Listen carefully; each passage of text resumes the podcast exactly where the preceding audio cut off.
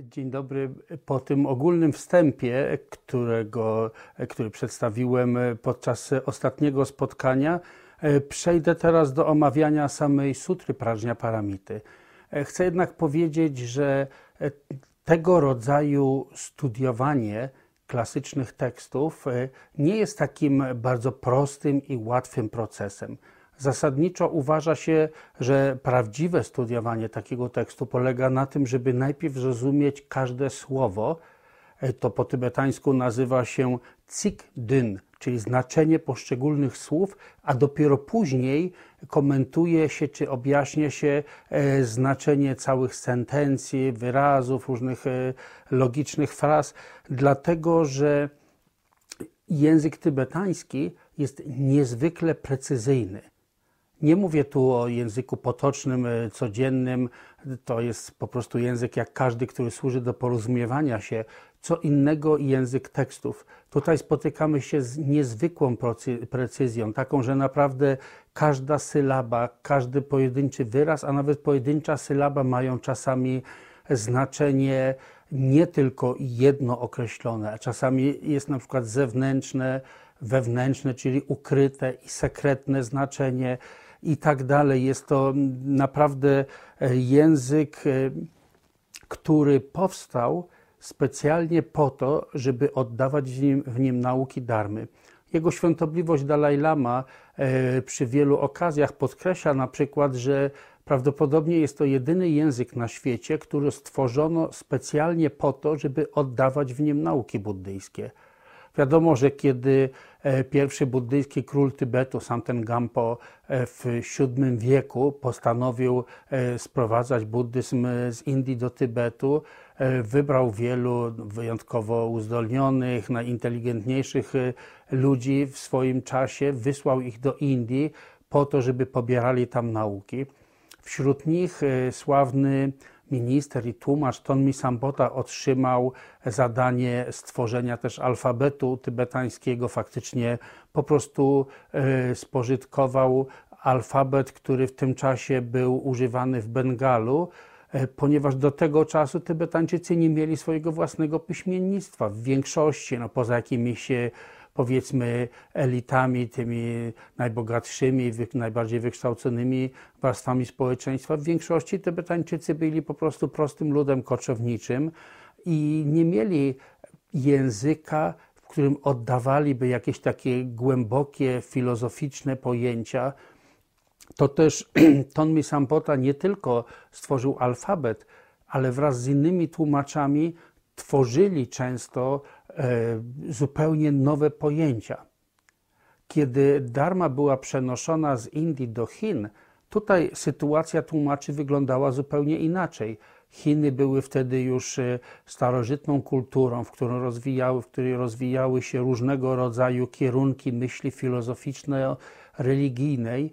To też e, kiedy oddawano w języku chińskim, próbowano oddać pewne pojęcia czy terminy buddyjskie, to ponieważ no, zasadniczo nauka Buddy była ideologicznie czymś nowym, dlatego w niejednym przypadku tłumacze stawali przed wyborem, czy dosłownie tłumaczyć z sanskrytu jakiś wyraz, czy też użyć wyrazu, który już istnieje w języku chińskim i ma oczywiście to e, takie konsekwencje, że każdy z tych wyrazów ma pewne określone konotacje kulturowo-religijne tłumaczyć bezpośrednio sanskrytu, mam na myśli tworzyć jakby takie kalki językowe i w ten sposób stwarzać pojęcia, które wcześniej nie istniały, a niektóre wyrazy decydowano się po prostu zachować w oryginalnym brzmieniu.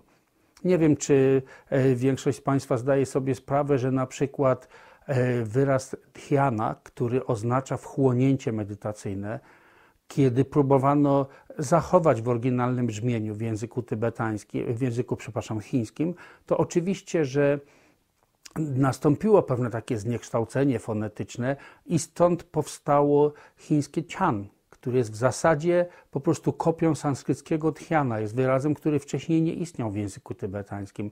Kiedy ten cian, przepraszam, wiem, że moja wymowa jest na pewno bardzo daleka od poprawnej chińskiej wymowy, kiedy te nauki dalej przeniesiono do Japonii, wówczas ta wymowa cian zmieniła się na zen. Słyszałem, że taka jest właśnie, takie jest pochodzenie tego wyrazu zen. W języku tybetańskim nie było tego rodzaju problemu. Zresztą, e, tak mówiąc na marginesie, my tłumacząc współcześnie nauki buddyjskie na nasze języki europejskie, stoimy często przed tym samym problemem, jaki mieli Chińczycy.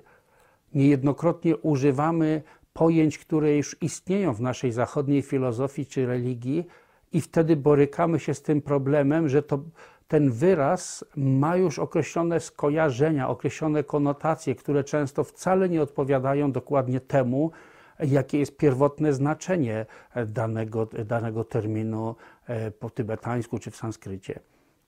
Istnieją takie wyrazy, które po prostu przejmujemy. Dzisiaj każdy właściwie, również nie buddysta, każdy w Polsce słyszał, co to jest karma, co to jest mantra, co to jest Buddha, bodhicitta. Może już nie każdy słyszał, ale dla buddystów jest czymś bardzo normalnym używanie tego rodzaju słów. Po prostu staramy się ich nie tłumaczyć. Niektóre wyrazy zapożyczamy z języka tybetańskiego, jak na przykład większość praktykujących buddyst tybetańskich słyszało, co to jest poła, co to jest bardo, i nie używamy tutaj sanskryckich odpowiedników, tylko trzymamy się albo lama, trzymamy się po prostu tybetańskich. Ale są też takie wyrazy, które wręcz tworzymy albo istniejącym już polskim wyrazom nadajemy nieco nowe znaczenie. Więc e, to, co mówiłem, miało po prostu pokazać, że język tybetański, on powstał w nieco innych okolicznościach.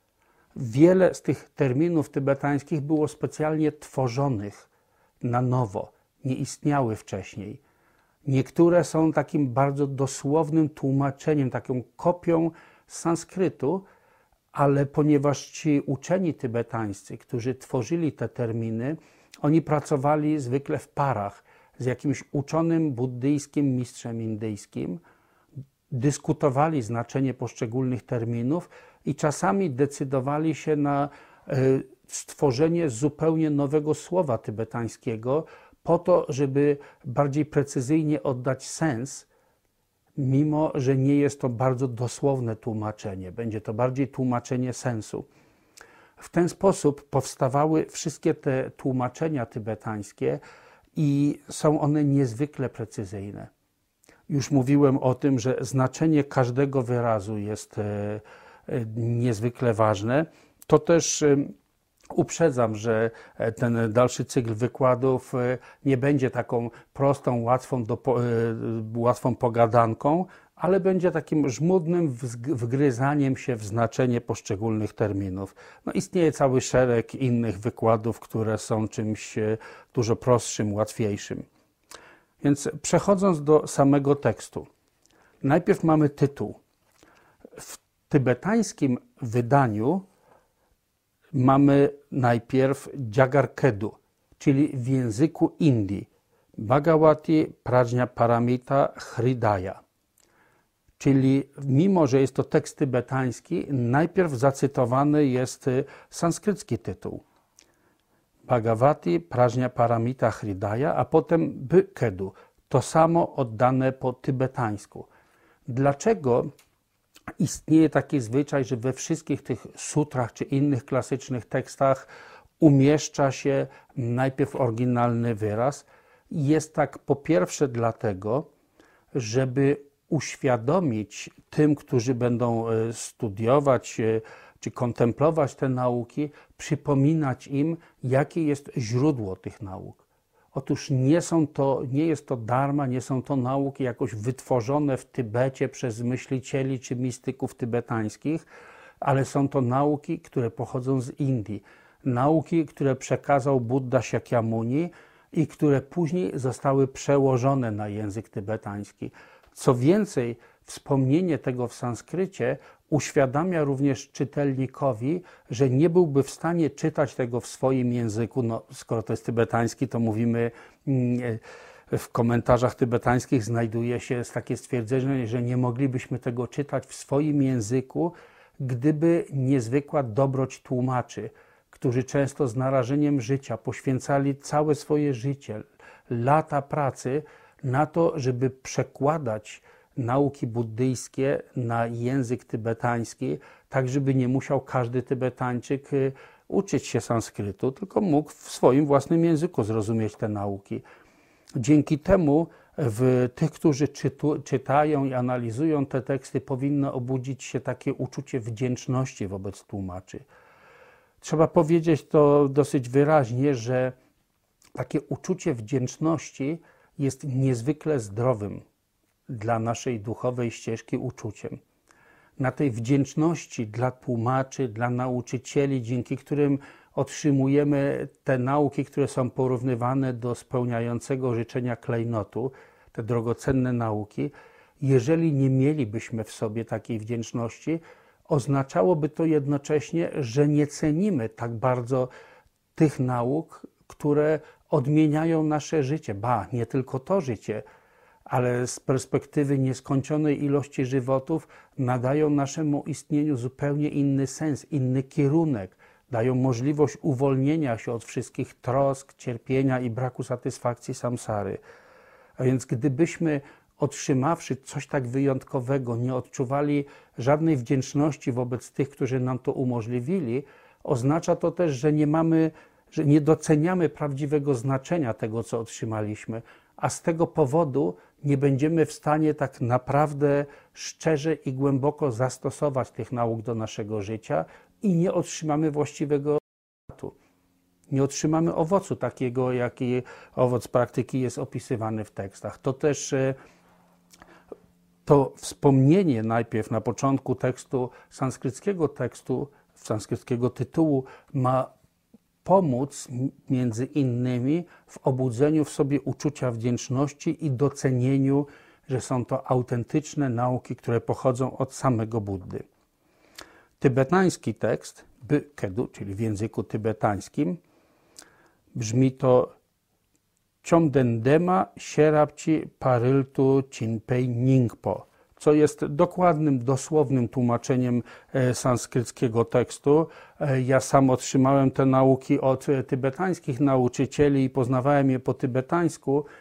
Co prawda, kiedyś w życiu lekko otarłem się o sanskryt, tak ledwie poczułem jego zapach, ale nie, nie uczyłem się nigdy na poważnie sanskrytu, dlatego też nie mam kwalifikacji do tego, żeby naprawdę analizować słowo po słowie sanskrycki tekst będziemy się opierać całkowicie na tekście tybetańskim. I tutaj tytuł zaczyna się od słów Chomdendema. Chomdende jest odpowiednikiem sanskryckiego Bhagavati.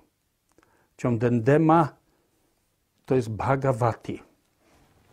Słowo Bhagavat jest powszechnie używane w sutrach buddyjskich, zarówno kanonie palijskim, jak i we wszystkich tekstach e, sanskrytu i innych odmianach e, języków e, indyjskich tego czasu.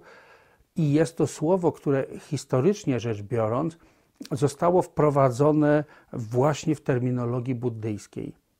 Ja na ten temat e, słyszałem kiedyś podczas e, konferencji e, buddologicznej w Polsce, na której to konferencji spotykamy się z wieloma niezwykle, niezwykle mądrymi wypowiedziami i mamy cały szereg buddologów, których wiedzę i podejście do, do badania buddyzmu osobiście bardzo cenię. No, są też czasami takie wypowiedzi, które, które opierają się na mm, bardzo trzeciorzędnych źródłach i, i raczej nie wypływają z głębokiej znajomości buddyzmu, ale to jest zupełnie inny temat. W każdym razie chciałem tu wspomnieć o tym, że uwaga, którą teraz chcę się podzielić, e, jej dowiedziałem się nie od swoich tybetańskich lamów, tylko od e, pewnego, mm, myślę, że nie ma tu konieczności dzielenia się już dokładnymi e, danymi osobowymi. Od jednego z e, wykładowców e,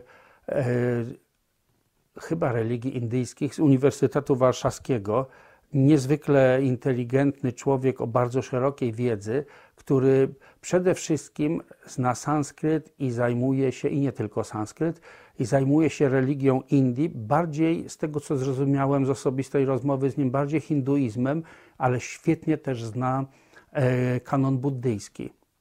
I jedna z jego wypowiedzi była taka, w której pokazał pewną sutrę z kanonu palijskiego, czyli buddyjską sutrę z Theravady, która historycznie rzecz biorąc, no wiemy, te sutry zostały spisane około 100 lat przed naszą erą, więc jest ona starsza historycznie od tekstu Bhagavad Gita. W tych naukach on pokazał, w tym wykładzie swoim, pokazał, jak pierwszych e, bodajże pięć rozdziałów Bhagavad Gita jest tak jakby symetrycznym odbiciem całej struktury nauk, które są przedstawione w tejże buddyjskiej sutrze. I oczywiście, że jest to pewna jego teza, która może nie została przez e, jakieś dalsze historyczne, e, udokumentowane teksty potwierdzona, ale wydaje się to niezwykle spójne, logiczne to, co on przedstawia. Pokazanie, że historycznie powstały później tekst, znany jako Bhagavad Gita, jest dokładnie jakby odpowiedzią hinduistów na koncepcje buddyjskie. I w tym tekście, w tekście palijskim, w tekście buddyjskim jest to, nasz Bhagavan powiedział to i to, nauczał tego i tego, odpowiednio w takiej samej kolejności logicznej pojawiają się, a Bhagavan Bhagavad Gita w końcu zaczyna, zaczyna się od słów, e, nie, nie zaczyna się od, od Bhagavana, ale później bardzo wiele pojawia się Bhagavan, e, tego określenia, że nasz Bhagavan na ten temat mówi to i to. Jest to jakby właśnie odpowiedź hinduistów, czy też replika, pewien rodzaj e, polemiki religijnej. Dlaczego o tym mówię? Ponieważ współcześnie, kiedy się słyszy słowo Bhagavan, tutaj w naszej kulturze na Zachodzie bardzo wielu ludziom, a przynajmniej mnie, przynajmniej przez bardzo długi czas, kojarzyło się to przede wszystkim z hinduizmem. Szczególnie po tym, kiedy jak słyszeliśmy Bhagavan Sri Rajnish i różnego rodzaju e, hinduscy guru, którzy nazywają siebie Bhagavan, czy których nazywa się Bhagavan, ja miałem przekonanie, że jest to takie bardzo zakorzenione w hinduizmie słowo. Tymczasem na tymże wykładzie dowiedziałem się, że że nie, że starsze wedyjskie teksty w ogóle nie używały tego słowa, że ono praktycznie historycznie pojawiło się e, dopiero dosyć późno tekstach e, indyjskich i są tak jakby właśnie odpowiedzią na, e, na to buddyjski termin Bhagavan. Czy Bhagavad, Bhagavan w różnych, w różnych miejscach będzie to różnie odmieniane. Więc teraz wracając już do nauk, które otrzymywałem od lamów, to była taka dygresja, powiedzmy, no, z, nieco innej, z nieco innej kategorii. Bhagavan po tybetańsku to Chomden-de. Tutaj, ponieważ mamy e, formę żeńską, to jeszcze się pojawia ma na końcu. Otóż wyraz Chomden-de, który jest tłumaczeniem Bhagavan, składa się z tych trzech sylab. Chom po tybetańsku oznacza zwyciężać. Czyli to oznacza, że ktoś, kto jest określony tytułem Bhagavan, coś zwyciężył. Den oznacza coś posiadać i de wyjść poza. Jakie jest znaczenie tego? Otóż ciom oznacza, że ten ktoś pokonał wszystkiego rodzaju zaciemnienia i splamienia. Można to różnie przedstawiać. Można powiedzieć, że pokonał dwa rodzaje zaciemnień. Grube, emocjonalne zaciemnienia czy splamienia. To słowo zaciemnienia po tybetańsku drippa to jest tak jak zasłona, jak coś się zasłania, tak że nie widać, co jest za nią. Podobnie z powodu zaciemnienia czy zaślepienia emocjami szkodliwymi, emocjami takimi jak gniew, żądza, duma, zazdrość czy otępienie. Z tego powodu nie widzimy prawdziwej natury postrzeganych zjawisk, jak i nie widzimy prawdziwej natury nas, którzy te zjawiska postrzegamy. Widzimy rzeczy tak, jak nam się przejawiają, ale nie widzimy, jakimi one są naprawdę ulegamy pewnego rodzaju ułudzie. A więc ciom oznacza, że pokonało się zarówno grube emocjonalne zaciemnienia, jak i subtelne zaciemnienia błędnego postrzegania. Zwykle w naszej buddyjskiej literaturze po polsku przez całe lata to było tłumaczone jako zaciemnienia niewiedzy, chociaż w dyskusjach przy tłumaczeniu tekstów doszliśmy do wniosku, że to brzmi tak, jakby niewiedza była zaciemniona, a to ona jest zaciemnieniem. W dosłownym tłumaczeniu z tybetańskiego siedziej dripa to jest zaciemnione, czy też zasłonięte jest to, co powinno się wiedzieć. To, co się powinno rozumieć, to jest zasłonięte, tego się nie rozumie. A więc można powiedzieć, że ciom oznacza pokonanie grubych emocjonalnych splamień i subtelnych zaciemnień, czy też splamień niewiedzy. Można też inaczej powiedzieć, że ciom oznacza zwycięstwo nad czterema marami. Mara jest e, tutaj ucieleśnieniem wszystkiego tego, co uniemożliwia nam zrozumienie, doświadczenie i urzeczywistnienie ostatecznej natury rzeczywistości, zobaczenie rzeczy takimi, jakimi naprawdę są. Widzimy jedynie pozory, widzimy prawdę pozorną i jesteśmy tym omamieni. Czterech marów zaciemnia, zasłania. Oczywiście tu słowo mara oznacza również w tym kontekście marę, tak jak zna ktoś e, może życie Buddy, wie o tym, że na krótko przed tym, zanim Buddha osiągnął pełne przebudzenie, e, Bóg e, Mara próbował go, jeden z tych światowych, w sensie samsarycznych bogów, próbował go powstrzymać przed osiągnięciem przebudzenia. Chciał mieć władzę nad Buddą, tak jak ma nad wieloma istotami i próbował na różne sposoby przeszkadzać Buddy, Buddzie. W ten sposób Mara jest również personifikacją wszystkiego tego, co powstrzymuje nas przed osiągnięciem doskonałego przebudzenia, uwolnienia się od cierpienia i braku satysfakcji, od wszelkiej niewiedzy, od zostania Buddą. Jednak to pojęcie Mara jest używane nie tylko w znaczeniu jakiejś takiej potężnej istoty, ale jest również używane w znaczeniu określenia wszystkiego, co utrzymuje nas w samsarze, co powstrzymuje nas przed osiągnięciem przebudzenia. I w tym kontekście mówi się o czterech marach. Pierwszy z nich to jest w sanskrycie nazywa się klesia mara. Mara kleś. Klesie to są właśnie te szkodliwe, szkodliwe stany emocjonalne, te o które już wymieniałem. Gniew czy też nienawiść, żądza, duma, zazdrość, głupota, czy też taki rodzaj otępienia umysłu, to są tylko podstawowe, pięć podstawowych. Czasem klasyfikuje się je jako, jako 20, jako 80, mają różnego rodzaju podziały, ale ogólnie mówiąc, wszystkie te stany umysłu są takimi stanami umysłu, z których wypływające działania mowy i ciała zawsze prowadzą do e, cierpienia, zawsze prowadzą do braku satysfakcji. Dlatego nazywamy je szkodliwy, szkodliwymi czy też destrukcyjnymi e, stanami umysłu. Alternatywnie nazywane są one również truciznami. Więc klesia mara oznacza mara kleś. Mamy emocjonalne splamienia jak długo mamy gniew, poprzez który postrzegamy różne zjawiska jako niechciane, niedobre, no to czujemy się nieusatysfakcjonowani, czujemy, że cierpimy. Działając w ten sposób, powtarzamy ten schemat, utrwalamy ten schemat, że później będziemy spotykać znowu zjawiska, które będą w nas budzić niechęć i będą budzić cierpienie. Mając żądzę, zawsze czujemy się nieusatysfakcjonowani. Czujemy, jest mi niedobrze, bo czegoś mi brakuje.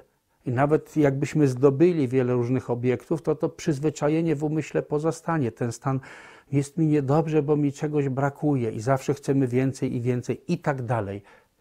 Kiedy mamy klesia mare, to automatycznie gromadzimy, czy też zbieramy, zasiewamy w umyśle te nawykowe skłonności, te ślady, ziarenka, które będą prowadzić do tego, że po śmierci znowu odradzamy się jako na przykład jako istota w piekłach, na przykład jako głodne duchy, jako zwierzęta, albo jako ludzie, albo półbogowie, albo bogowie, jako jedna z sześciu rodzajów istot w samsarze. A kiedy odradzamy się w ten sposób, posiadamy tak zwanych pięć skant, czyli pięć psychofizycznych składników osobowości, pięć zbiorów. Zbiór wszystkiego, co składa się na nasze ciało. Dalej posiadamy zbiór wszystkich odczuć, post, y, post, zdolność postrzegania, różnego rodzaju mentalne reakcje, które zostawiają ślady w umyśle. Mamy różne zdolności też, czy też aspekty świadomości. W ten sposób jest to zbiór świadomości, zdolność uświadamiania sobie na przykład form, zdolność uświadamiania sobie dźwięków i tak dalej. Ten zbiór razem tworzy świadomość. To jest pięć skant. O nich będzie w dalszej części tekstu jeszcze więcej. Pięć skand, inaczej mówiąc, odradzamy się jako istota w samsarze i, i to jest skandamara, drugi skanda. Drugi, przepraszam, skandamara to drugi mara. Jeśli już urodziliśmy się, to z pewnością mamy, w sanskrycie nazywa się to Mrityu Patimara, Mrityu Patimara, Mara Pan Śmierci. Bo jeśli już urodziliśmy się, to na pewno będziemy doświadczać śmierci. Każdy, kto się urodził, musi umrzeć. Więc doświadczamy Mary śmierci. Jest jeszcze czwarty, który nazywa się Devaputra Mara, Mara syn bogów.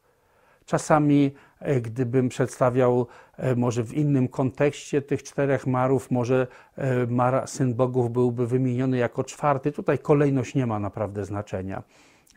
Czasami byłby wymieniony może jako drugi, ponieważ jeśli mamy emocjonalne splamienia, to w ich efekcie wykonujemy różnego rodzaju działania. A więc tutaj emocje są jak bogowie, którzy zarządzają, a nasze czyny w szczególności czyny ciała i mowy, są tym, co jest rezultatem naszych emocjonalnych splamień. A więc negatywne czyny określane są mianem Mara, syn bogów. Emocjonalne splamienia są jak bogowie, a czyny są jak dzieci tych bogów. I skoro mamy negatywne czyny, to zasiewamy te ślady w umyśle, które sprawią, że znowu odradzamy się w samsarze i tak dalej czterech marów, można powiedzieć, że w nich, gdyby dokładniej to analizować, w nich zawiera się wszystko na temat samsary. Na temat tego, w jaki sposób działa samsara, dlaczego ciągle doświadczamy różnych rodzajów cierpienia i braku satysfakcji, dlaczego wciąż musimy się odradzać. A więc ciom, pierwsza sylaba w tytule, oznacza pokonanie wszystkich czterech marów. Den, druga sylab w tytule, den oznacza mieć, posiadać. To znaczy, że ktoś, kto osiągnął pełne przebudzenie, kto stał się Buddą, nie, został nim nie tylko poprzez pokonanie czterech marów, nie tylko poprzez usunięcie grubych i subtelnych y, splamień czy też zaciemnień umysłu, ale rozwinął znaczy posiadł różne pozytywne właściwości. I to, w jaki sposób opisuje się e, właściwości stanu Buddy, no, bywa przedstawiane w, różnych tekstach różnie. Można to e, skrócić do przedstawienia tego jako dwa rodzaje wiedzy. Otóż Buddha całkowicie wie, jakimi zjawiska są w swej istocie rozpoznał to, że wszystkie zjawiska, mimo że nam się przejawiają, wydają się bardzo realne, to w swej istocie są puste, pozbawione samoistnego, realnego bytu. Ale będąc pustymi, jednak się przejawiają. I drugi rodzaj wiedzy Buddy, wiedzy, czy też można użyć tu określenia wszechwiedzy, to wiedza o tym, jak zjawiska się przejawiają. Bo to przejawianie się tego, co w istocie jest puste, a jednak się przejawia, to przejawianie się nie jest jakieś chaotyczne. nie jest bezprzyczynowe. Wszystko pojawia się z przyczyn i warunków. I ta wiedza o wszystkich przyczynach i warunkach jest właśnie tym drugim aspektem wiedzy Buddy, a więc wiedza o tym, jakie, jakimi zjawiska są i w jaki sposób się przejawiają. To jest wszechwiedza, którą Buddha posiadł. Inne przedstawienie tych właściwości, jakie posiada Buddha, może być takie, że on posiadł tak zwanych e, sześć wspaniałości. To jest po prostu inny sposób opisania no, wspaniałych cech przebudzonej istoty. Otóż pierwsza z nich, ta wspaniałość to po tybetańsku Pynsum Cokpa. Po prostu oznacza coś takie wspaniałe, cudowne. Pierwsza z nich to jest Wang Pynsum Cokpa. To znaczy, że Buddha posiada, Wang to jest tyle co moc. Moc oznacza, że nie jest zniewolony przez żadnego rodzaju emocjonalne splamienia. On ma moc, władzę nad swoim umysłem, władzę nad tym, co pojawia się w jego umyśle. Nie ma tutaj przypadkowości, ale tak jak w nas pojawiają się w taki niekontrolowany sposób różne myśli, wyobrażenia, różnego rodzaju e, emocjonalne stany, pozytywne emocje, negatywne emocje itd. Tak Buddha ma całkowitą moc nad tym. Moc w znaczeniu również takim jakby władzę, panowanie. Druga to jest zuk pensum cokpa, to oznacza ma wspaniałość formy. Kiedy patrzymy na nasze ciała, nasze ciała są e, rezultatem działań wykonywanych w poprzednich żywotach. Czy ktoś urodził się w męskim czy w żeńskim ciele, czy urodził się z w pełni wykształconymi organami, które określają kogoś jako mężczyznę lub kobietę, czy też e, rodzi się i zawsze się w przeszłości rodziło, chociaż współcześnie przed społeczeństwami raczej się ukrywa tę wiedzę i większość ludzi nie zdaje sobie sprawy, jak, jak duży procent dzieci rodzi się na przykład z nieokreślonymi cechami płciowymi, na przykład mają obie, mm, obie można powiedzieć, tych e, właśnie fizycznych cech płciowych, nie mówiąc jeszcze o, o psychicznych e, cechach płciowych, prawda? E, w naszym przypadku to wszystko jest rezultatem karmy. To, czy ktoś jest wysoki czy niski, czy jest uważany w swojej kulturze za ładny czy brzydki, co mówiąc na marginesie, oczywiście jest kwestią pewnej e, zarówno mody, jak i pewnego rodzaju takich e, lokalnych uwarunkowań. To, co w jednej kulturze uchodzi za piękne, w innej wcale nie będzie pięknym i tak dalej. Ale Buddha posiada wspaniałość formy, taką, że każdy, kto patrzyłby na w pełni przebudzonego, naszego historycznego, historycznego Buddę, każdy doświadcza tego wow, jakiż on niezwykle piękny, jakaż to jest cudowna forma. Pisma powiadają, że jeśli gdzieś się pojawił Buddha, to jego ciało posiada tak wielkie piękno, że po prostu nie jest się w stanie oderwać od niego wzroku. Każdy tylko spogląda na niego i chciałby słuchać tylko tego, co mówi Buddha. To jest jedna z tych e, cech wspaniałości stanu Buddy. Trzecia to jest pal pensum cokpa.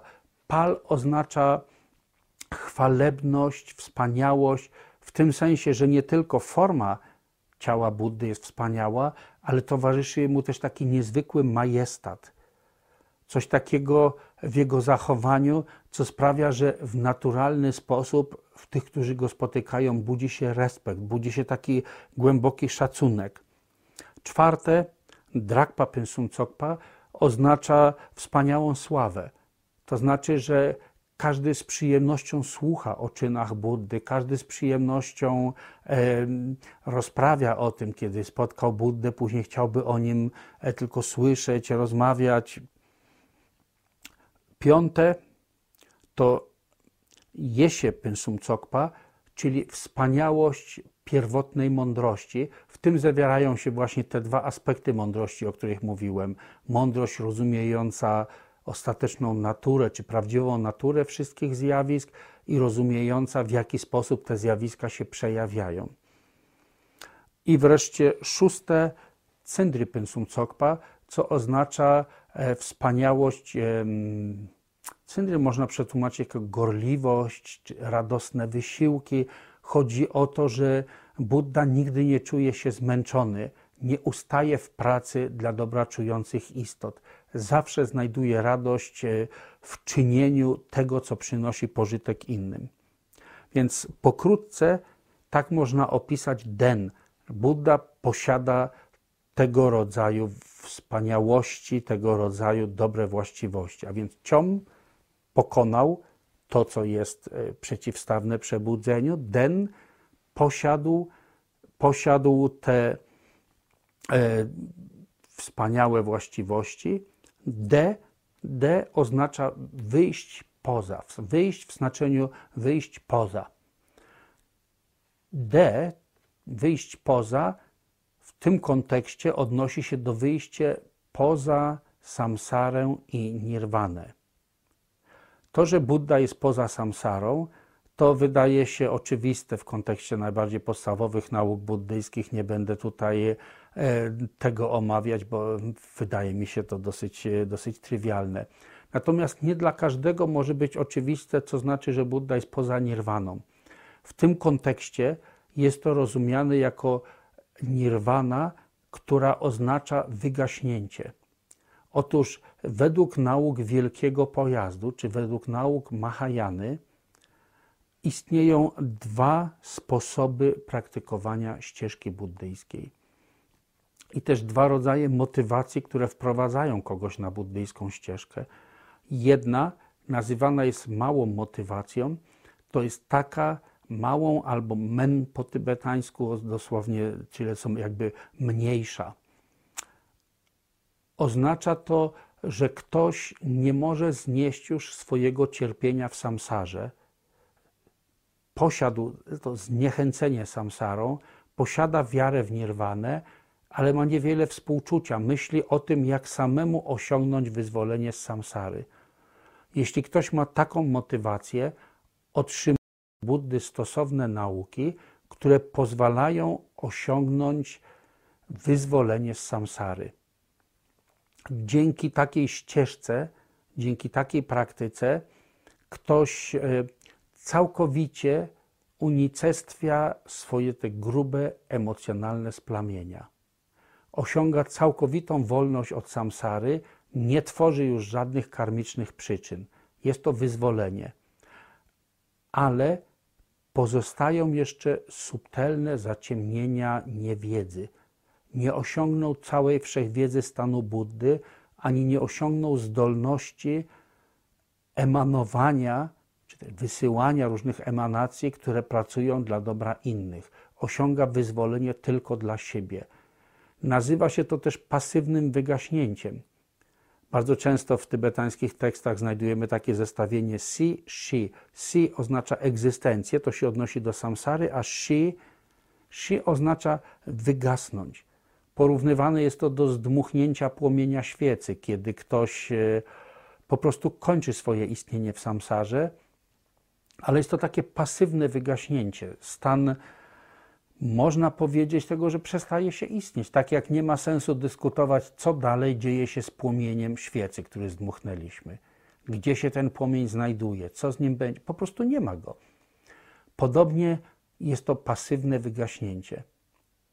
Istniały, tak żeby już bardziej rozwinąć ten temat, istniały w historii buddyzmu takie szkoły, które twierdziły, że to wygaśnięcie następuje na zawsze ale w wielkich sutrach Mahajany, takich jak na przykład Sadharma Pundarika Sutra, czyli znana powszechnie jako Sutra Lotosu, na przykład tam Buddha opisuje, że nie jest to wygaśnięcie na zawsze. Używa tam Buddha takiego porównania, że gdyby była grupa wędrowców e, zagubionych gdzieś na pustkowiu, gdyby pojawił się jakiś e, wprawny przewodnik, i widziałby, że jeśli powie tym wędrowcom, iż ich cel jest tam i tam daleko, to będą mieli poczucie oni, nie mając takiej wielkiej wewnętrznej siły, będą mieli poczucie, że osiągnięcie tego celu przerasta ich możliwości. Po prostu załamią się i w ogóle nie będą chcieli iść. Podobnie przyjęcie motywacji bodhisattwy, tej, która sprawia, że jest to wielka ścieżka prowadząca do stanu Buddy, jest to ścieżka bodhisattwy, to dla niektórych bywa zbyt wielkim zadaniem, jest to zbyt przerażające. Dlatego, że jakżeż można się podjąć e, wyzwolenia wszystkich istot? W końcu przecież e, ilość istot jest nieskończona. Czas, który trzeba będzie spełnić, e, spędzić na pracy dla dobra wszystkich istot jest nieskończony. Trudy, których trzeba się podjąć, są nieograniczone. Dla niektórych jest to zbyt trudne zadanie.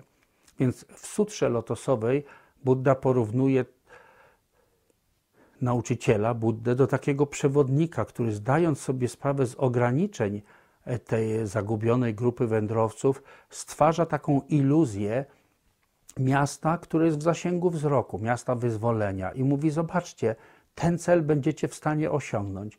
Doprowadza ich do tego miasta i wtedy dopiero mówi: No ale wiecie, to jeszcze nie jest prawdziwy cel, Widzicie, to jest tylko, była tylko iluzja, ale jak już tu doszliście, teraz prawdziwy cel jest już naprawdę w zasięgu waszych możliwości. W ten sposób y, Buddha objaśnia, twierdząc, że takiego przewodnika nie można uznać za jakiegoś złego czy kłamcę, a jedynie za kogoś, kto w umiejętny sposób prowadzi e, tychże, mm, e, tychże zagubionych podróżników e, o stosunkowo małej odwadze, prowadzi ich do celu. Otóż Buddha mówi, że nauki prowadzące do tego wyzwolenia, będącego wyzwoleniem tylko siebie, będącego wygaśnięciem, sprawiają, że w tym stanie wygaśnięcia ktoś przebywa przez 80 kalp, czyli 80 całych cykli powstawania i zanikania świata, 80 y, takich cykli kosmicznych, po czym oni dojrzewają do tego w tym stanie, że Buddha jest w stanie przeniknąć ten stan umysłem. Nikt, nawet najwyżsi bodhisattwowie tego nie potrafią. Dopiero Buddha jest w stanie przeniknąć stan, obudzić ich z tego letargu, z tego jakby wygaśnięcia. Wtedy pojawia się przed nimi swoim świetlistym ciałem i przemawia, mówiąc: O mnisi, nie osiągnęliście jeszcze miasta wyzwolenia, ale teraz i tak dalej. Dzięki temu wstępują na ścieżkę bodhisattwy, a ponieważ byli już tak biegli w osiągnięciu wolnej od rozproszenia medytacji, tak dalece pozbawieni emocjonalnych splamień, że bardzo szybko dochodzą do urzeczywistnienia stanu Buddy. A więc nie jest to ślepy zaułek, do którego się wpada na zawsze, ale jest to droga niezwykle naokoło, aż 80 kalp. Ale tak należy rozumieć, że cel ścieżki bodhisattwy, w których bodhisattva wstępuje na ścieżkę, bo nie może znieść, e, nie tak jak było poprzednio, własnego cierpienia, tylko nie może znieść cierpienia wszystkich istot. Nie może znieść tego, że wszystkie istoty cierpią w samsarze. Postanawia uwolnić je wszystkie od cierpienia, a żeby móc ten cel osiągnąć, musi najpierw sam osiągnąć stan Buddy. Dlatego pragnie osiągnięcia stanu Buddy dla wszystkich istot i dla siebie. Jest to zupełnie wielka motywacja. Nie ogranicza się do jednej osoby czy do jednej istoty, tylko do wszystkich niezliczonych istot. Dlatego nazywa się to wielką ścieżką, Mahajaną. Ta ścieżka prowadzi do pełnego stanu Buddy. Ten stan wygaśnięcia, ta nirwana, nazywają ją niektóre teksty też małą nirwaną Hinayany, ta nirwana jest wygaśnięciem cierpienia, ale jak wspomniałem wcześniej, pozostają w niej jeszcze subtelne zaciemnienia niewiedzy. Ścieżka bodhisattwy prowadzi do pełnego stanu Buddy, usuwa zarówno grube emocjonalne splamienia, jak i subtelne zaciemnienia niewiedzy i prowadzi do celu, którym jest stan Buddy, będący całkowicie poza błędami samsary i poza wygaśnięciem tejże małej nirwany. Dlatego D, wyjść poza, oznacza osiągnięcie stanu Buddy, oznacza osiągnięcie tego celu, który jest poza egzystencją samsarze i pasywnym wygaśnięciem. Chom den de. Dalej mamy w tytule wyraz ma. Ma jest końcówką rodzaju żeńskiego, a więc tutaj będzie, dlatego jest nie Bhagavat, a Bhagavati w sanskrycie, rodzaju żeńskiego, ponieważ odnosić będzie się to do mądrości. Oczywiście, że mądrość nie jest męska ani żeńska, mądrość nie ma płci, ale porównywana jest tutaj do matki. Słowo ma w tybetańskim języku jest jednocześnie końcówką rodzaju żeńskiego, ale samo w sobie, kiedy nie jest to e, ta partykuła taka kończąca jakiś rzeczownik, ale sam w sobie wyraz ma oznacza również matkę. Każdy, kto został Buddą, osiągnął to tylko poprzez urzeczywistnienie pradźni, najwyższej mądrości. Dlatego też mądrość jest porównywana do matki. Tak jak z matki rodzą się wszystkie dzieci, tak z mądrości rodzi się stan Buddy. Dlatego też właśnie mądrość jest e, porównywana do matki, używana jest, e, e, używany jest tutaj rodzaj żeński do mądrości. Zresztą w języku polskim też tak się składa, że jest ta mądrość, więc jest żeńska, chociaż nie zawsze we wszystkich językach tak jest, że, że ten rodzaj żeński czy męski jest zachowany. Na przykład modlitwa w sanskrycie była żeńska, po tybetańsku jest męska. Po polsku ta modlitwa znowu jest rodzaju żeńskiego. A tu w przypadku mądrości mamy akurat łatwość w tłumaczeniu na język polski. To jest ona.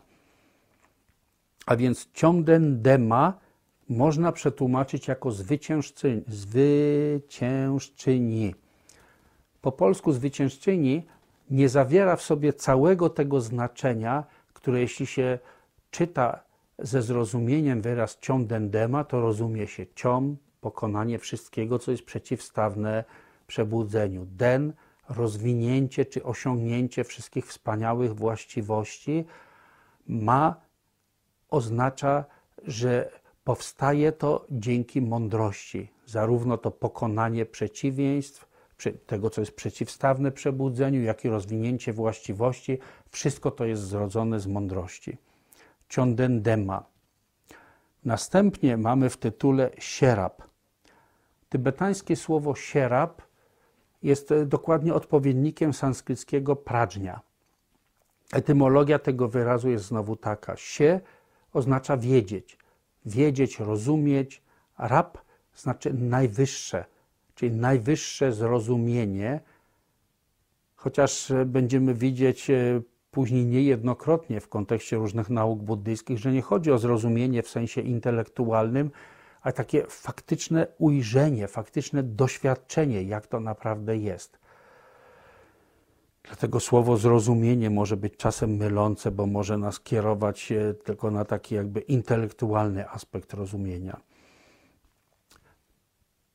sierab, w sanskrycie pradżnia, gdzie też pra oznacza wyjść poza, coś co wychodzi poza, dnia, tak samo jak się, wiedzieć, rozumieć, więc taka wykraczająca poza to mądrość, która wykracza poza. Poza co? Poza naszą podstawową niewiedzę, poza to, że nie rozumiemy, jakimi rzeczy naprawdę są, a widzimy tylko, jak nam się pozornie przejawiają. Definicja pradżni, jaką znajdujemy w tekstach, jest taka, że jest to zdolność rozróżniania. To, co nazywamy mądrością, czy też pradżnią, jest to zdolność rozróżniania. Rozróżniania między czym a czym. Tu jest kilka poziomów objaśniania. Na takim najbardziej zwykłym, codziennym poziomie zdolność odróżniania, na przykład odróżnienia zupy od kupy, Wiemy, że jedno służy do jedzenia, drugie wręcz przeciwnie. Można też powiedzieć zdolność odróżnienia chociażby e, kamienia od jakiegoś e, pokarmu i tak dalej, zdolność odróżniania różnych zjawisk.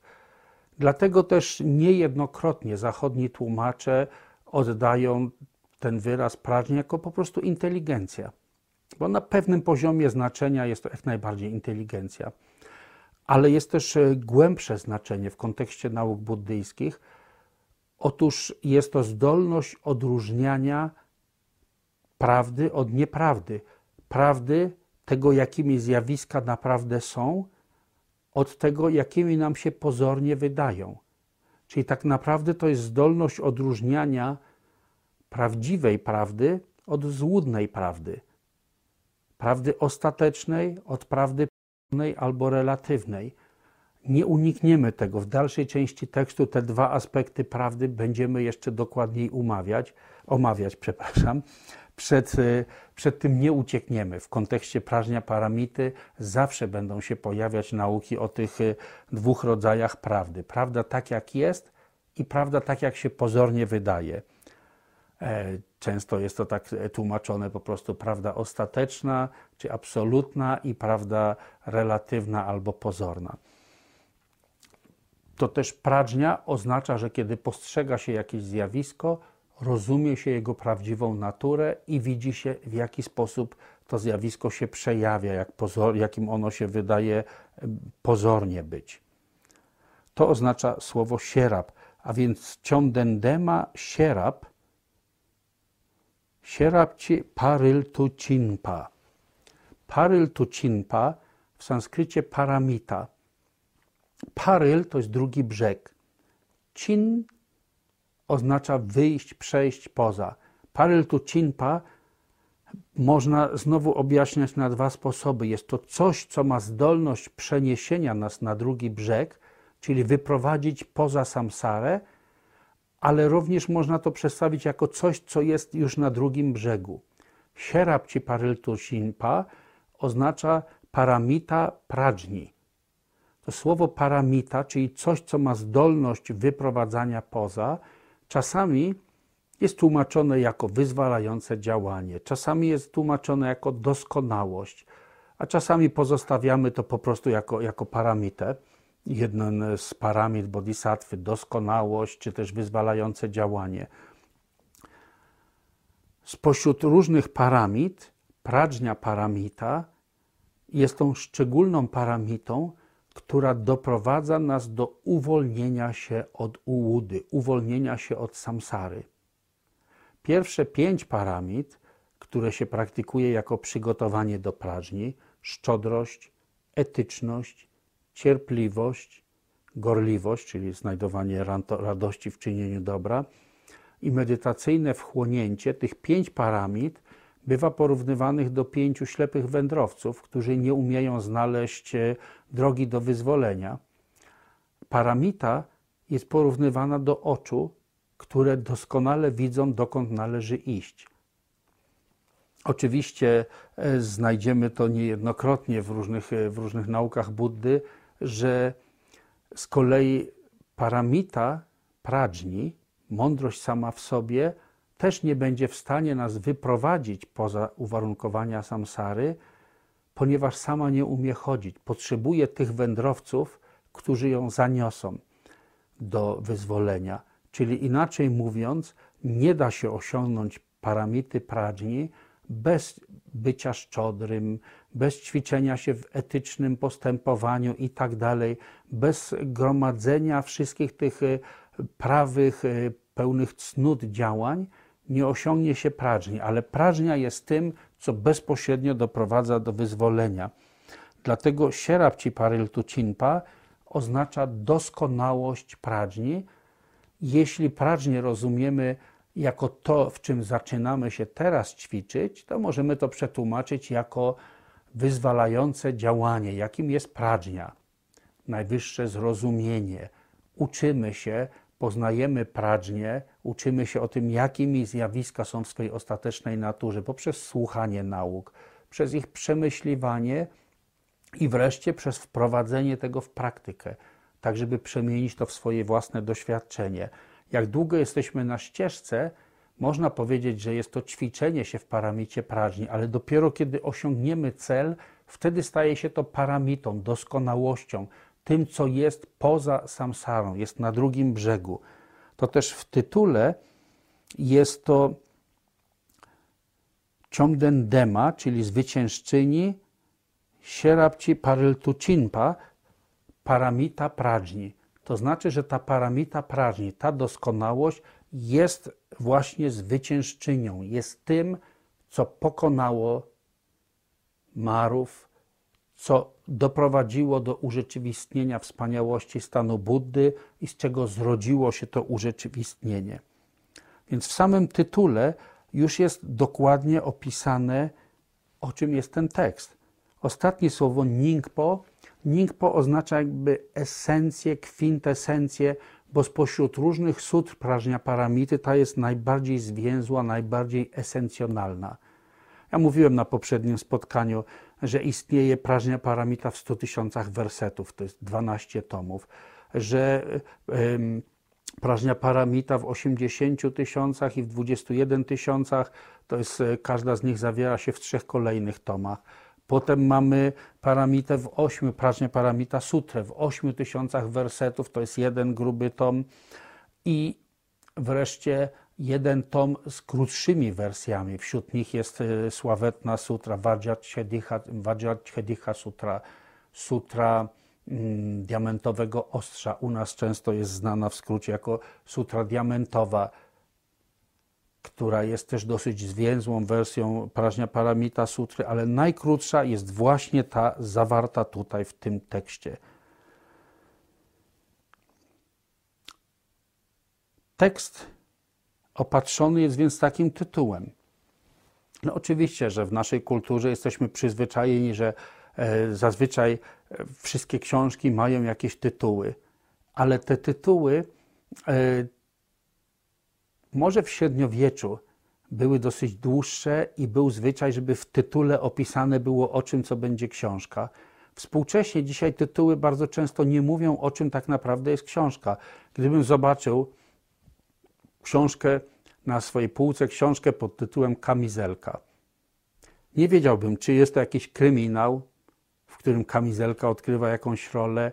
Nie wiedziałbym, czy jest to może komedia romantyczna, e, czy może jest to podręcznik krawiectwa, czy może, nie wiem, jest wiele różnych możliwości. Te w klasycznej literaturze buddyjskiej tytuły zawsze określają jasno, co będzie w tej książce to też ci o najwybitniejszych zdolnościach, przeczytawszy sam tytuł, już wiedzą wszystko, co jest zawarte w danym tekście.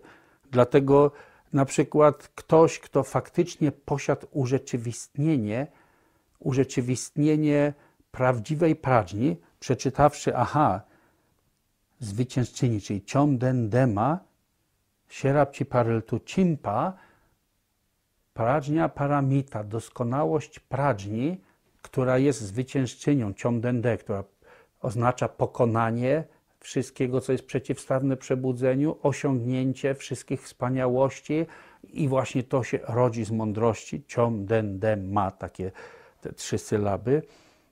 Ktoś przeczytawszy to, już wszystko wie, bo widzi prawdziwą naturę zjawisk i widzi, aha, to będzie opisane w tym tekście. Nie muszę go czytać, bo widzę, jakimi zjawiska są. To są ci najwybitniejsi ci, którzy są nieco mniej wybitni, ale posiadają rozległą wiedzę, przeczytawszy taki tytuł, będą wiedzieli, jaka treść jest w tym zawarta, czyli można powiedzieć, potraktują to jako, jako streszczenie. Nie będą jeszcze mieli pełnego doświadczenia prawdziwej natury zjawisk, ale przeczytawszy tytuł, mają streszczenie. Aha, to jest na pewno ta i ta wiedza, którą studiowałem a dla tych o najniższych zdolnościach tytuł pozwala po prostu, e, kiedy przeglądamy różne teksty, chociażby w bibliotece, zobaczymy, aha, to jest właśnie ta najkrótsza sutra. Potrafimy rozpoznać, y, o czym będzie ten tekst. I na przykład wyjąć go ze zbioru innych tekstów, po to, żeby przeczytać, bo szukaliśmy właśnie wiedzy na ten temat. A więc dla trzech różnych osób o różnym poziomie zrozumienia tytuł będzie miał różne znaczenie.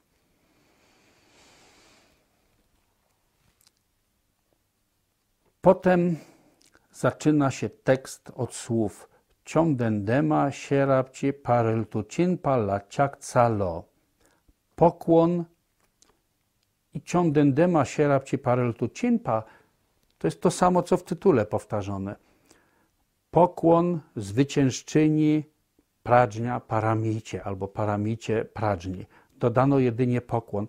Otóż ta linijka nie jest e, częścią samej sutry i nie została przełożona z sanskrytu.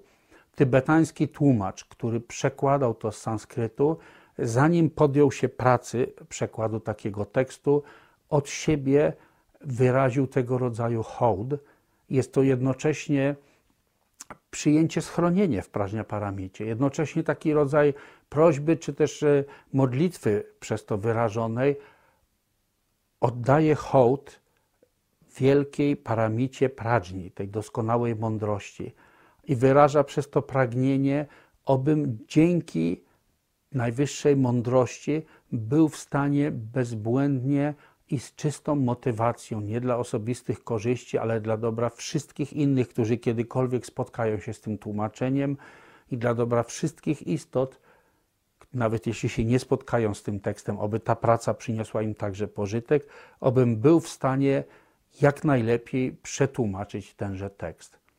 Więc e, jest to zwyczaj, który istniał e, wśród tybetańskich tłumaczy, że dopisywali od siebie na początku taką linijkę wyrażającą hołd.